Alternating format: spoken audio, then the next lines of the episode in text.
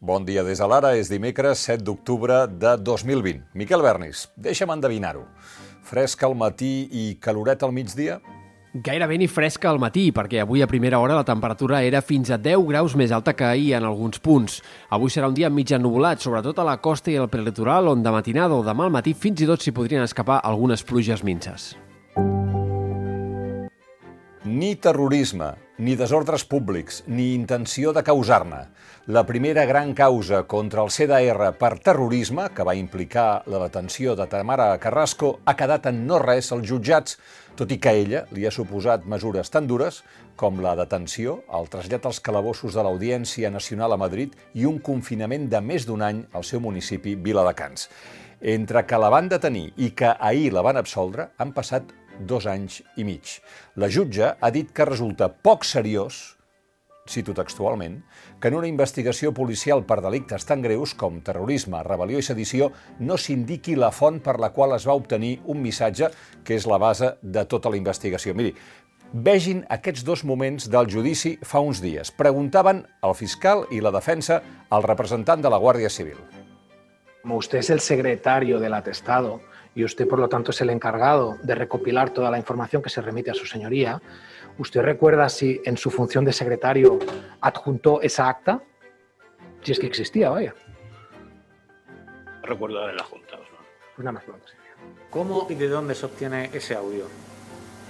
Eh, Pues ahora mismo no recuerdo, circula por ahí, no desconozco, ahora mismo no, no, no recuerdo exactamente dónde, dónde lo obtenemos.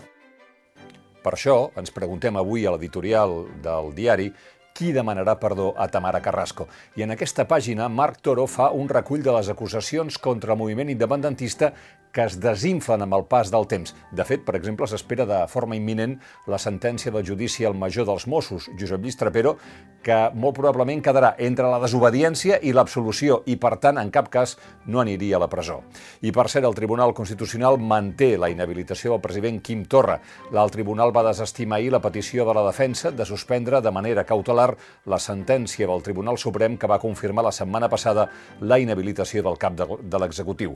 Els magistrats van recordar que la pena d'inhabilitació ja s'havia fet efectiva i és que recordin que Junts i Esquerra van acordar els mecanismes de substitució.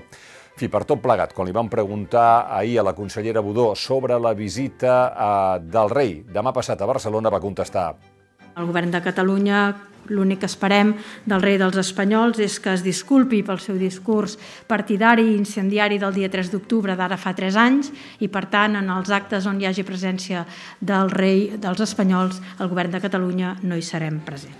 I recordaran una carta oberta d'Isabel Turull, germana del conseller a la presó, dirigida al cardenal de Barcelona, Omella, sobre que no ha anat a veure els presos polítics a la presó i, a més a més, eh, com a president de la Conferència Episcopal Espanyola, va afirmar un comunicat de suport a Joan Carles I i a la monarquia espanyola.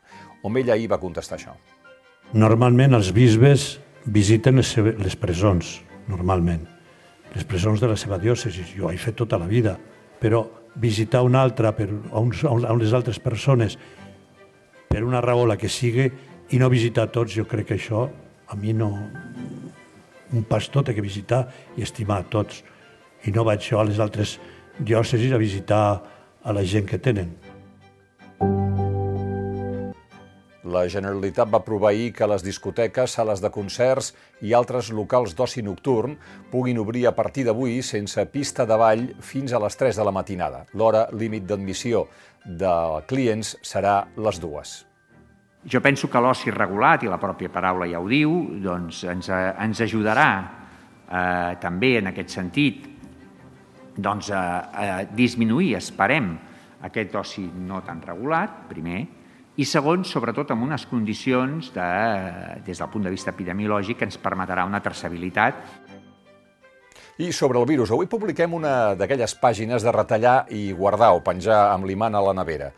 És una pàgina que ajuda a distingir el que és Covid del que és grip i refredat comú.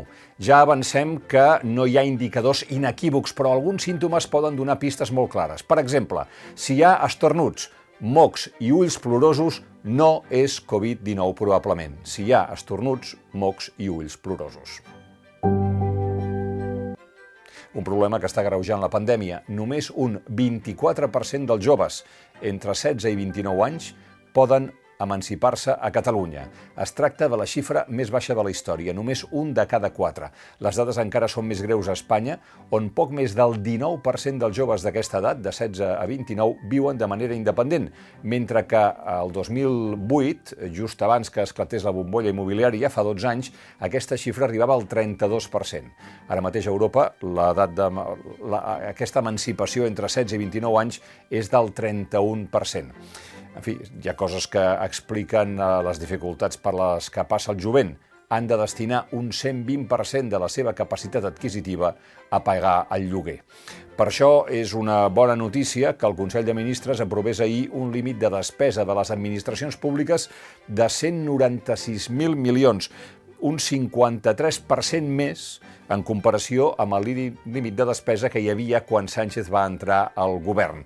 És el sostre de despesa més alt de la història i suposa, vol suposar, vaja, una resposta política i econòmica completament diferent a la crisi financera del 2008. Aleshores va ser austeritat i retallades. La pandèmia ha dinamitat aquell paradigma i ara Europa i, per tant, Espanya han optat perquè la recuperació es base en regles expansives de l'augment de la despesa pública.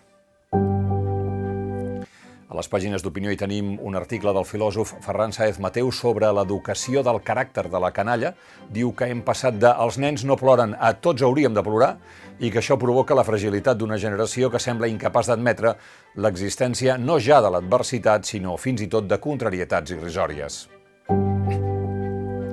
Els esports, dues notícies d'aquesta nit. Rafael Nadal s'ha classificat per les semifinals de Roland Garros. Era de nit, feia fred a París, el manacorí ha necessitat 3 sets.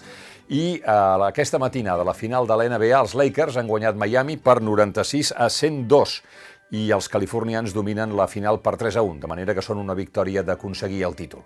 I avui publiquem aquesta entrevista a l'impulsor de la moció de censura Josep Maria Bartomeu, Jordi Ferrer perquè la moció està a menys de 1.000 validacions de tirar endavant. Ja se n'han donat per bones 15.557 i en calen, eh, en aquests moments, eh, queden 3.700 butlletes pendents de comprovar, de les quals només que 964 siguin bones, la moció de censura hauria prosperat i, per tant, s'hauria de fer eh, una votació. Ja dic que si no hi ha una sorpresa molt gran, avui serà el dia en què eh, els socis, a través dels mecanismes eh, legalment establerts en els eh, estatuts del club, hauran censurat Josep Maria Bartomeu. Estarem pendents de com continua eh, tota aquesta història a Can Barça. Fins aquí les claus del dia.